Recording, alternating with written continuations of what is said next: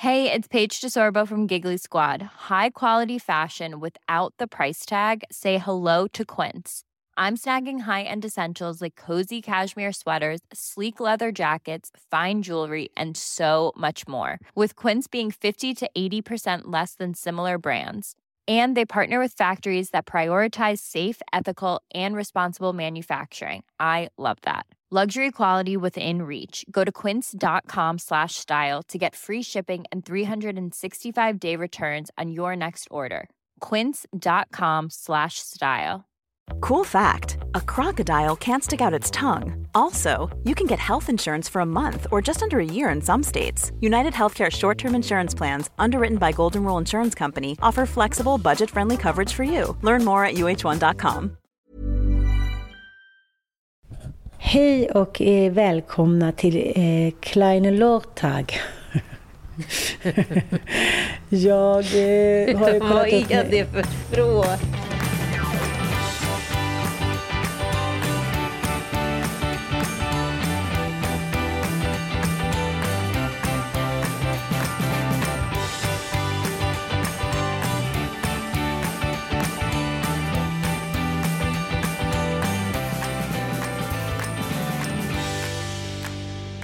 Ann Söderlund, håller du med om att eh, det var ju någon som skrev på ditt, eh, ett helt annat inlägg, men skrev hos dig i alla fall att det är inget roligt när ni är så taskiga mot varandra. Det låter som det är något underliggande där. Är det det? Jävligt Eh, mycket underliggande. Jo, otroligt mycket faktiskt. Eh, Ryss, ryssen som kommer. Ja, det var ryssen. Jag Nej, men vad känner du? Känner, tycker, du vi är, tycker du vi är bitska? Det är alltid bra att reflektera, tänker jag. Jo, jag fattar, men jag vet inte. Alltså, så här, man har ju olika sorters vänskap med olika sorters människor. Men vissa är lite mer moderlig och liksom jordnära, men vissa är lite mer så här, nu kör vi. Och jag tycker ändå att din och min vänskap kan vara både och. Men det är ju det att vi är så upptagna båda två, så det är väldigt sällan som vi eh, liksom tillbringa så tre dagar i lugn och ro. Jag tänker när vi åker iväg, då är det oftast barn med. Eh, Men jag tycker att vi kan ha det ganska lugnt och harmoniskt ändå. Men vi, jag menar, även om du och jag är som när vi är på väg till din pappa då, och tar farväl av din far, efter på din mor, så hittar vi alltid någon liten loppis. Alltså det finns alltid en ny möjlighet bakom nästa krök. Och det tror jag liksom påverkar att vi också... Eh, jag tror att vi i allt som har hänt så känns det som att vi litar på varandra i någon grundmurad så här, kärlek. Att med andra kompisar kanske man är lite ängslig, så här, tog sig däremot fel och eh, man kanske måste spela spelet lite även fast man liksom inte riktigt, så här, det är inte uttalat så.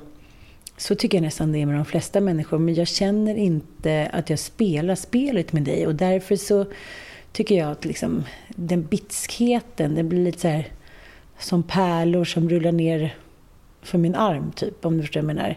Jag tycker det var annorlunda för några år sedan när vi verkligen kunde hamna i konflikt. Då kunde jag Ja, kanske... när det hela tiden fanns något underliggande, även fast vi försökte hålla masken. Den tycker jag är så mycket mer uppenbar. Men, men nu är det så här, ja det är lite sirligt salt ändå, men det är oerhört mycket med glimten i ögat. För vi så här, är grundtrygga med varandra. Det är det jag Ja, menar. så helt enkelt så får man väl också så här, bara säga om man gillar det så gillar man det. Alltså vi kommer ju inte kunna konstruera om oss för att någon blir irriterad. Det är ju tillbaka till det här igen liksom som verkar ha blivit något missförstånd mellan liksom vad ska jag kalla det för, följare och, och sändare eh, jämfört med liksom när man kanske hade en form av eh, visuell mur i form av en TV. Idag kan du ju DMa en person och säga det eller skriva det på Insta vad man upplever någonting. Men det mycket, handlar väldigt mycket om ens egen upplevelse, kanske inte alltid är objektivt eller vad jag ska säga. Eh, och det är ju väldigt svårt att liksom anpassa sig hela tiden efter vad alla andra tycker om en och hur man ska upplevas som utav andra för då blir det ju inte så mycket kvar utav en själv. Liksom. Eh, så jag tror återigen att så här, man, antingen får man väl lyssna eller så får man väl byta. Det är ju inte så mycket svårare än så, precis som man kan följa eller avfölja. Men jag tänker också, jag tycker att skillnaden på dig och mig är att vi är ju faktiskt väldigt sällan på någon annan med så slag under bhn. liksom, kommentarer. Det, det har ju vi lagt ner för länge sedan. Mm. Jag tänker i den lite kritiserade podden Lunch med Montelius här i, i senaste avsnittet. Det är så här kulturpodd i Expressen. Och de är ju högdjur så de kan ju kasta pamfletter både här och där. Och nu hade de då kritiserat eh, Lena Andersson bland annat och Åsa Linderborgs bok då, Året med 13 månader. Mm. Och, och, då hade Gunilla Brodrech sagt så här, och så är det Lena Andersson som i princip är en man. Och så skrattade de åt det en stund. Så, här, så det var ett ganska elakt poddavsnitt. Så där. Åsa Linderborg och de är som misogyna gubbar, hade de sagt om de två. Så här. Eh, så jag måste ändå säga att det enda som liksom drabbas, det är vi själva. Och det är också med kärlek, lite som när man är i en relation. Både du och jag kan ju vara ganska, liksom, ja men vad ska man säga, inte hetska, men så humoristiskt pikande mot våra män. Det är väl lite så som vi är ja, mot varandra också. Ja, men sen är det liksom. ju väldigt känsligt nu för tiden. Alltså det var ju... Ja, men var det inte vi som pratade om det precis? Att så här, det var massa vänneravsnitt som hade varit tvungna att raderas efter ja. liksom, Black Lives Matter och metoo. Och mm. eh, det gick inte att sända ett avsnitt av Little Britain för att det var alldeles för liksom, kön, könshumoristiskt. Homofobiskt och, liksom, och, ja, homofobiskt och elitistiskt och rasistiskt och allt vad det är. Mm. Och därför menar jag så här att idag är ju samhället väldigt mycket mer observant på vad man gör. Mm. Eh, så därför kanske man inte kan alltså skoja om personers utseende som man drog blondinen-skämt på 80-talet. Liksom. Nej, nej. Men det här var ju i och för eh. sig nu. Ja, och det är det jag ja. säger. Man kanske inte kan skoja om personers utseenden Nej. som man drog blondinen-skämt på 80-talet. Mm. Eh, så att då kanske, och istället för Ja, jag vet inte. Det finns ju... Alltså idag får man ju raffinera sin humor. Det har ju varit liksom en, en jätteutmaning för väldigt många. För det har varit så enkla poänger att ta. Helt plötsligt måste man liksom skoja på ett nytt sätt. Mm. Alltså jag säger inte... Jag skojar också om folks utseende ibland. Framförallt kanske snubbar som har gått och... Som var skitsnygga när man var tonåring och sen så... Ja, inte längre är så heta liksom. Men, eh, men man får väl fundera på om det är korrekt eller inte. I don't know. Och du, eh, du har frotterat dig och blivit eh, paddelproffs sen vi såg sist. Nej men alltså jag vet inte vad som hände. Alltså du vet, jag har ju inte spelat paddel på typ ett år. Jag har inte stått på paddelbanan. Jag var ju med i de här fem Open båda gångerna. Första gången spelade jag med dig som aldrig spelat paddel i hela ditt liv. Och kommer in på banan och vi tar inte typ en boll. Och andra året så spelar jag med Tesso som är väldigt duktig på tennis. Men eh, vi har liksom inte kommunicerat överhuvudtaget. Och jag är alldeles för het och för, blir för stressad. Och Nej, det funkar inte alls. Första året kom jag sist och andra året kom jag eh, näst sist. Och då kände jag att nu kommer jag aldrig mer spela padel i mitt liv. För så sur blev jag. jag tappade helt mitt padel självförtroende. Och sen spelade jag lite tennis i våras igen med er, men fick sjukt ont i hälsenorna. Men så bara kom den här padelinbjudan till en turnering. Och det skulle vara lottade lag och hej och hå. Eh, och då kände jag, nej men nu jävlar. Och så skulle jag träna innan, det hann jag inte heller. Så jag kommer till padelbanan och är otränad och i padel. Men jag hade ändå spelat tennis i våras. Och bara tänker så här, jag kanske kan ha lite så här ish nybörjartur. För ibland har man bara det. För man är liksom så här, man har ställt in sig på att det kommer inte gå bra. Eller någonting. Man har helt carte blanche liksom i huvudet. Och då bara helt plötsligt gick jag och vann.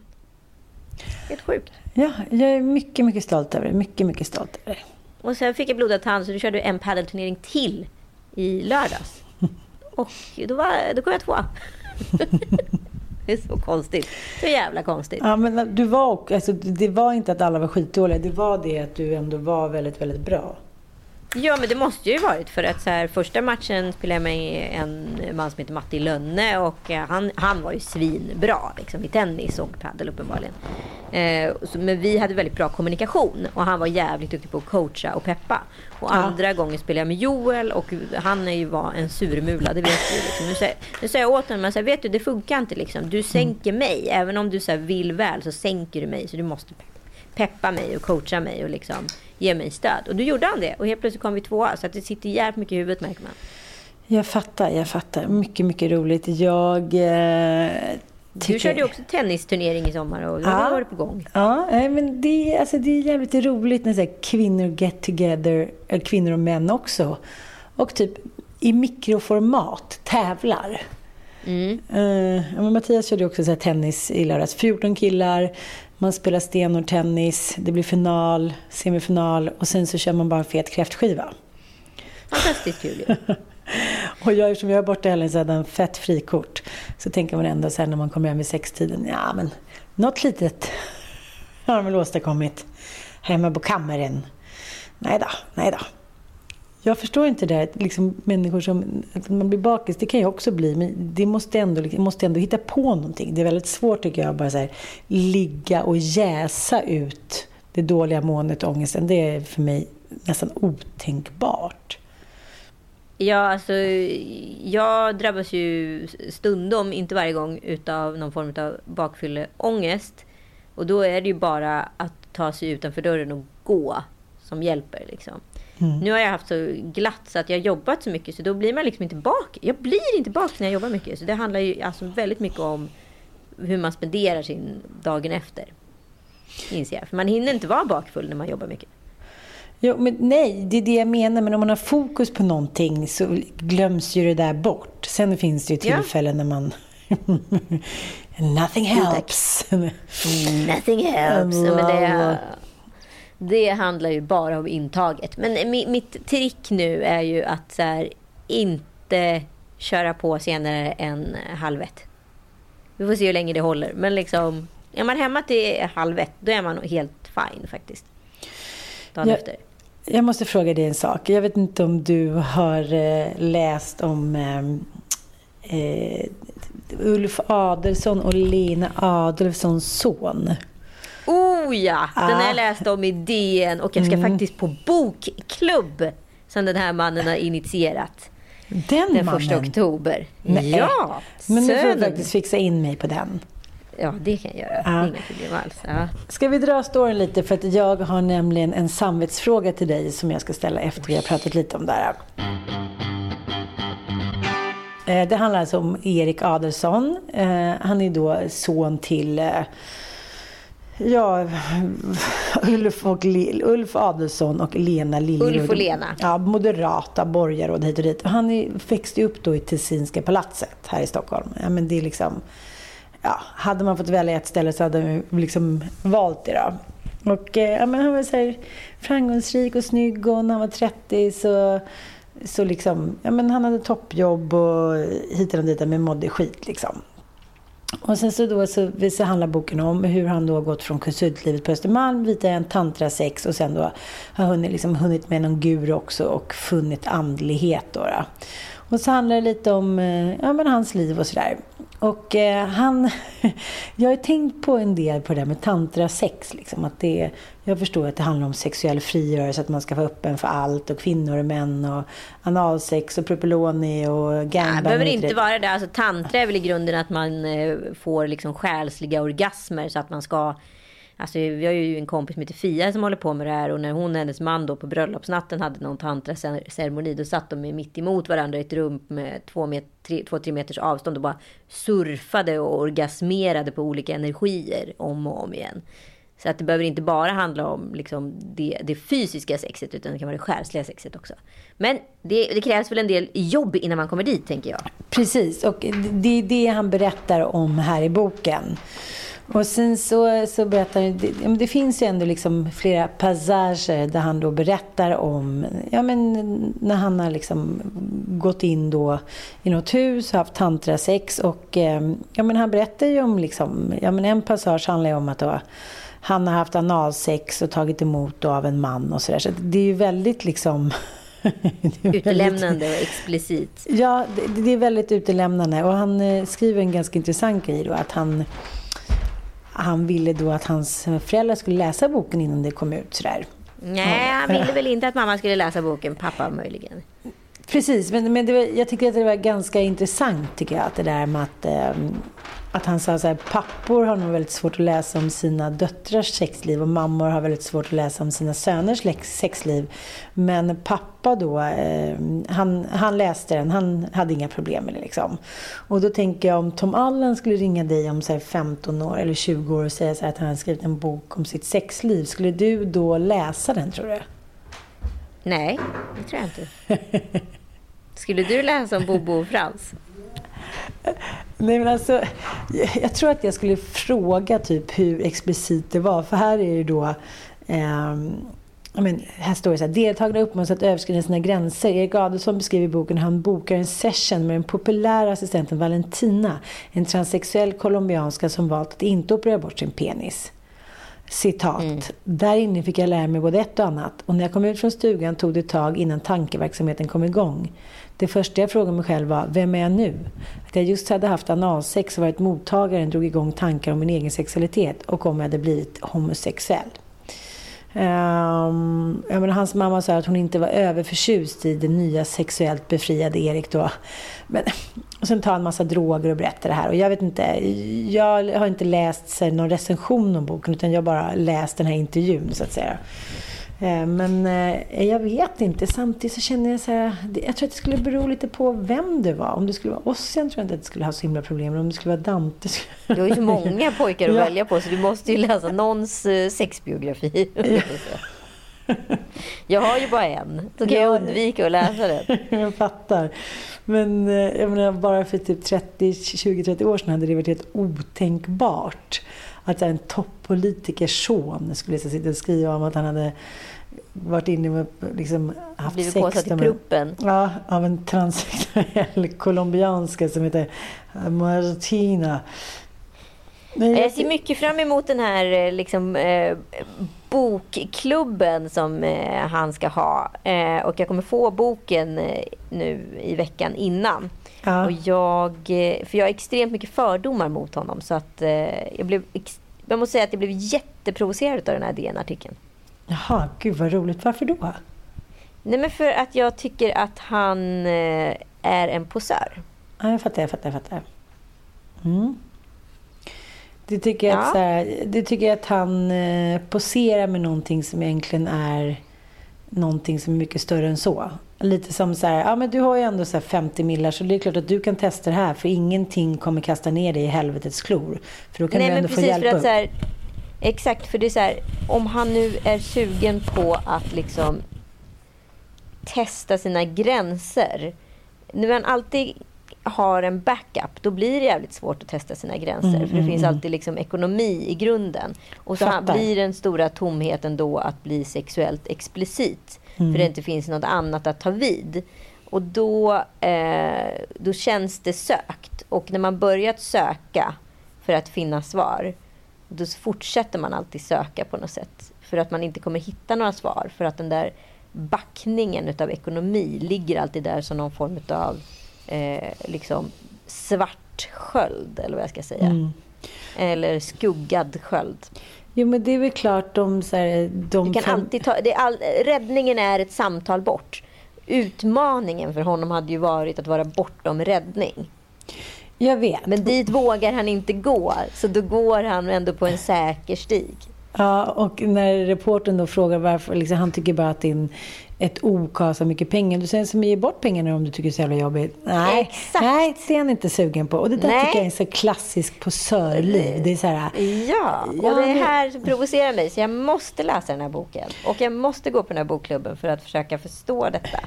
Det är lite som, en posörfilm är ju The Talented Mr Ripley. Det är lite mm. så här, ah, man är i Italien, man lever lite på sörlivet. Sen är det någon som bara säger fuck you. Du ska dö man.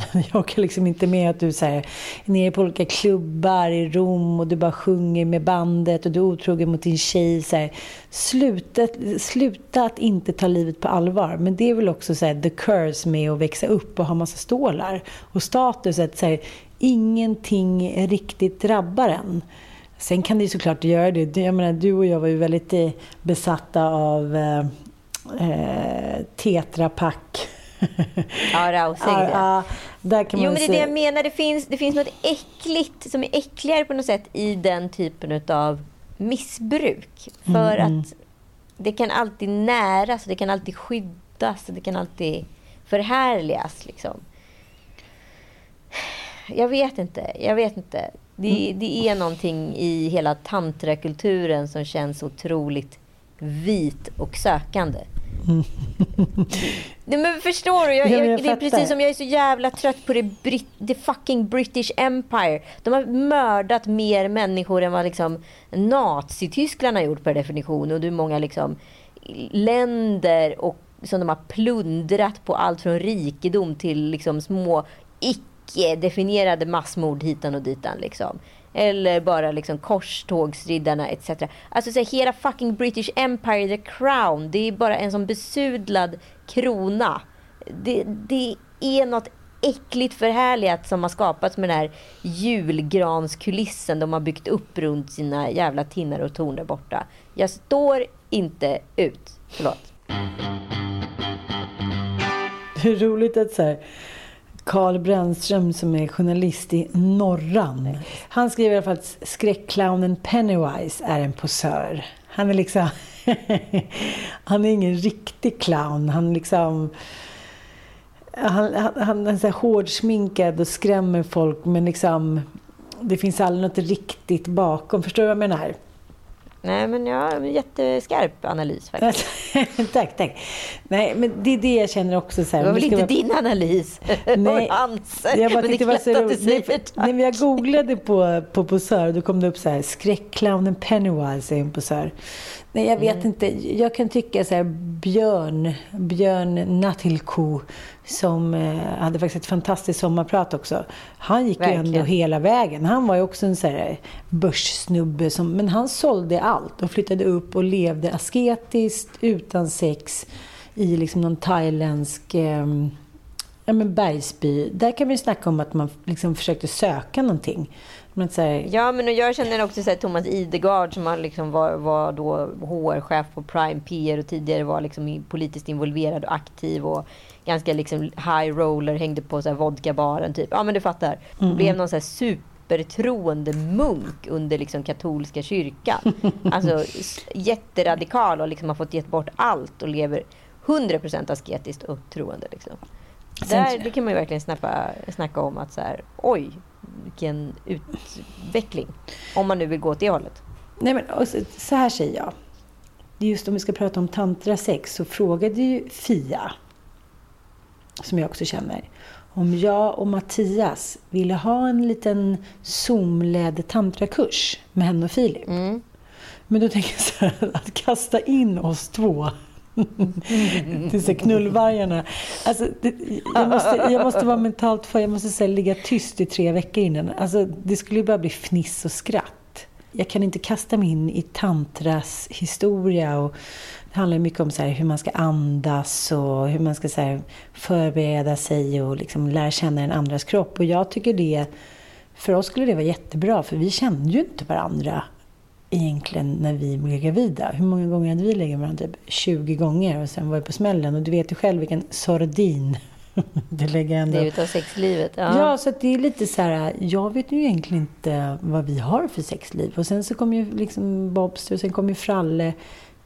Vi måste ju på något sätt, jag kan känna lite att vi måste ju börja om. För vi hann ju aldrig lära känna varandra. Du vet ju själv, det tar ju några år innan man liksom pippar superbra tillsammans och vet vad den andra har, vill och hitan och ditan. Så jag, på det sättet tycker jag det att det vara bra. gäller inte alla. Nej, men en, två Det gäller inte alla. Nej, men du blev inte... För har du stått eller lyssnat på Carolina Gynning och Victor Philipssons sexliv en hel middag, Nej, det är sant. då ser vems som helst sexliv jävligt beige ut. Så mycket kan jag säga. Jävligt beige alltså.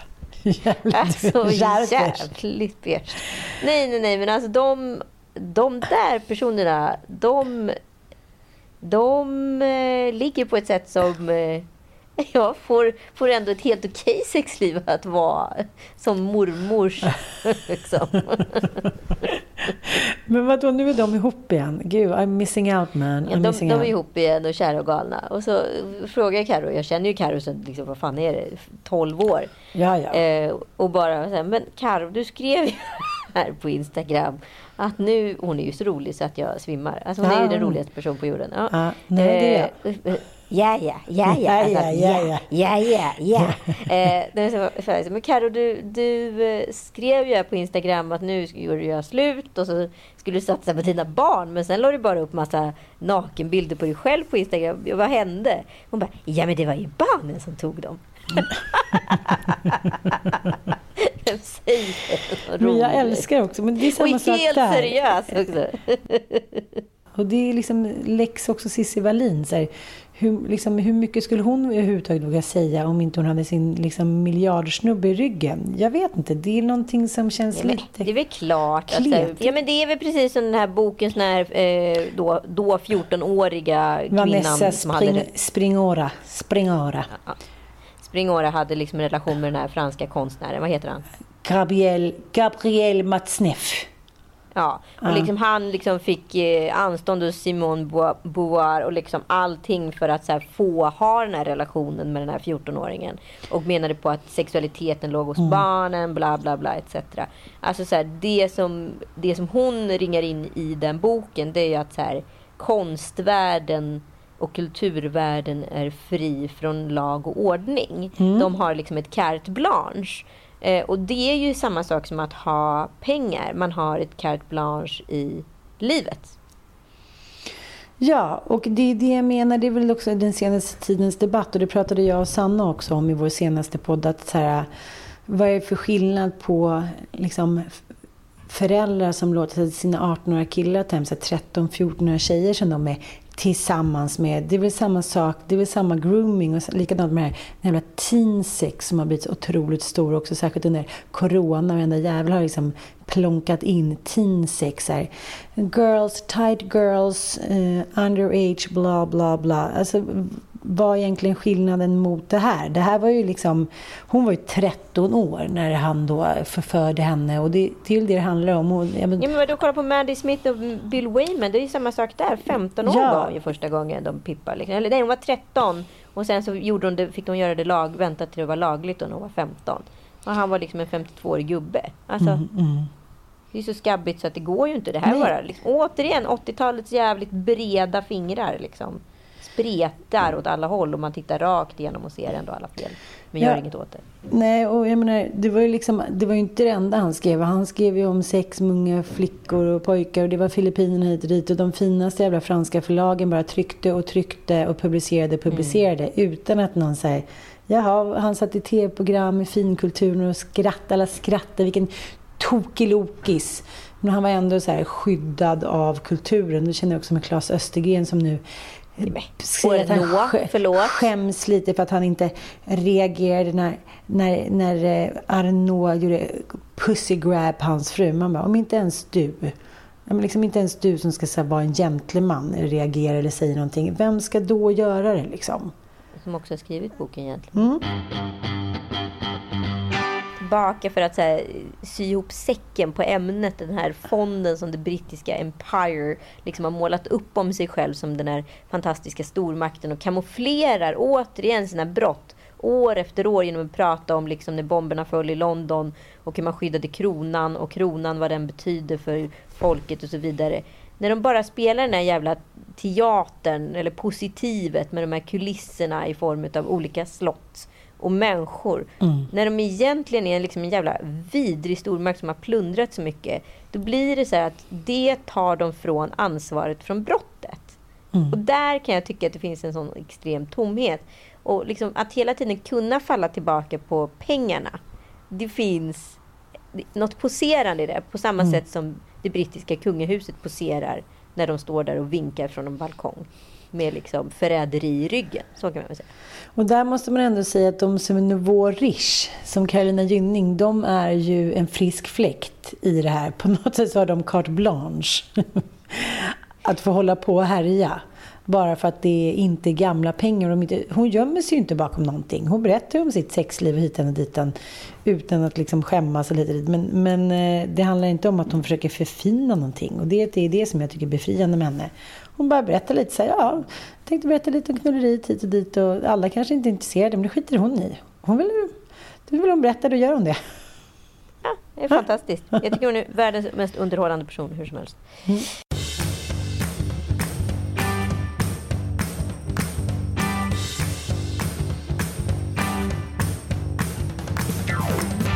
Man kanske kan jämföra Carolina Gynning lite med en underhållande babian på Skansen.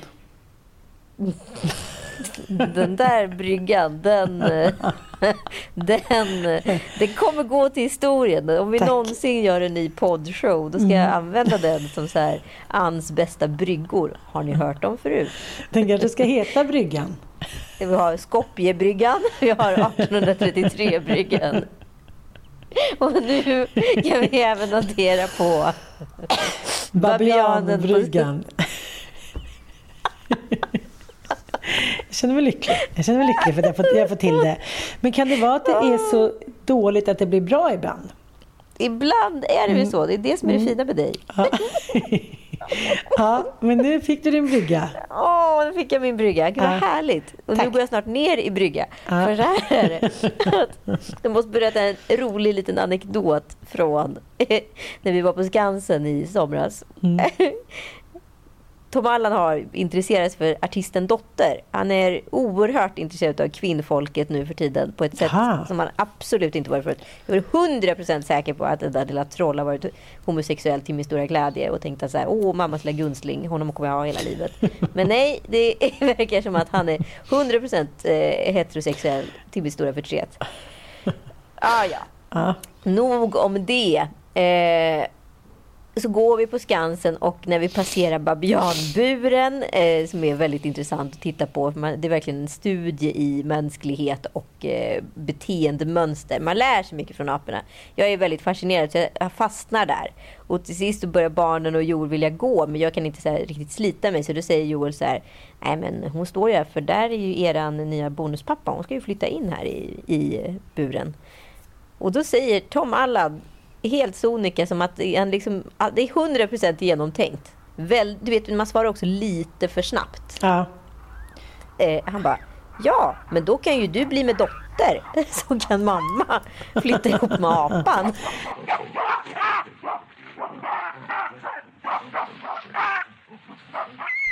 Alltså så här, han har absolut inga som helst problem att jag ska flytta ihop med en apa på Skansen. Och han ska hälsa på mig lite då varannan Rasist. vecka. Eller hur vi, hur vi nu lägger upp det. Men att Joel ska bli med dotter, det, det är 100 procent liksom solklart för honom. Men då kan, han komma, då kan han och jag komma och hälsa på någon gång i veckan. Du, du tolkar också det här som världens mest naturliga grej, att jag ska bli ihop med en babian på Skansen. Är det ingen som reagerar på det faktumet? Alla Det tycker det bara är sjukt naturligt att Joel ska bli med dotter. Men någon har frågat dotter om hon vill bli med Joel? Och få Tom med- Allan som son.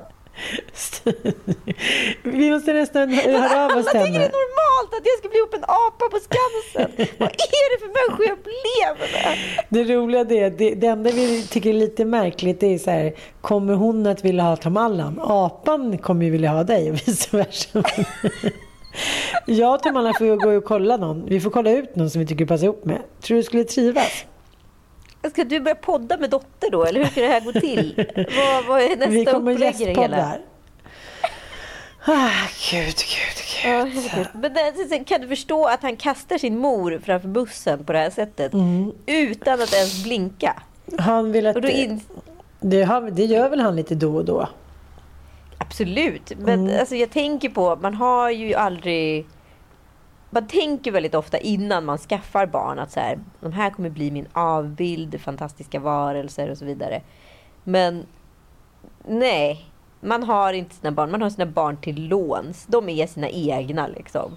Och de lever sina egna liv och de klurar ut sina egna tankar. Jag tycker det blir så otroligt tydligt. Ja, det kanske finns lite spår och rester av en. Men inte så mycket mer än så. Ja, men okej. Men då tror jag att vi ska sluta snicksnacka nu för nu ska jag ta och lyssna på min nya favoritartist. Fuck you. Skitapa. Alla känner apan, apa känner ingen. Tack för att ni lyssnade, era gullapor. Vi ses nästa onsdag. Puss och kram! Puss och kram.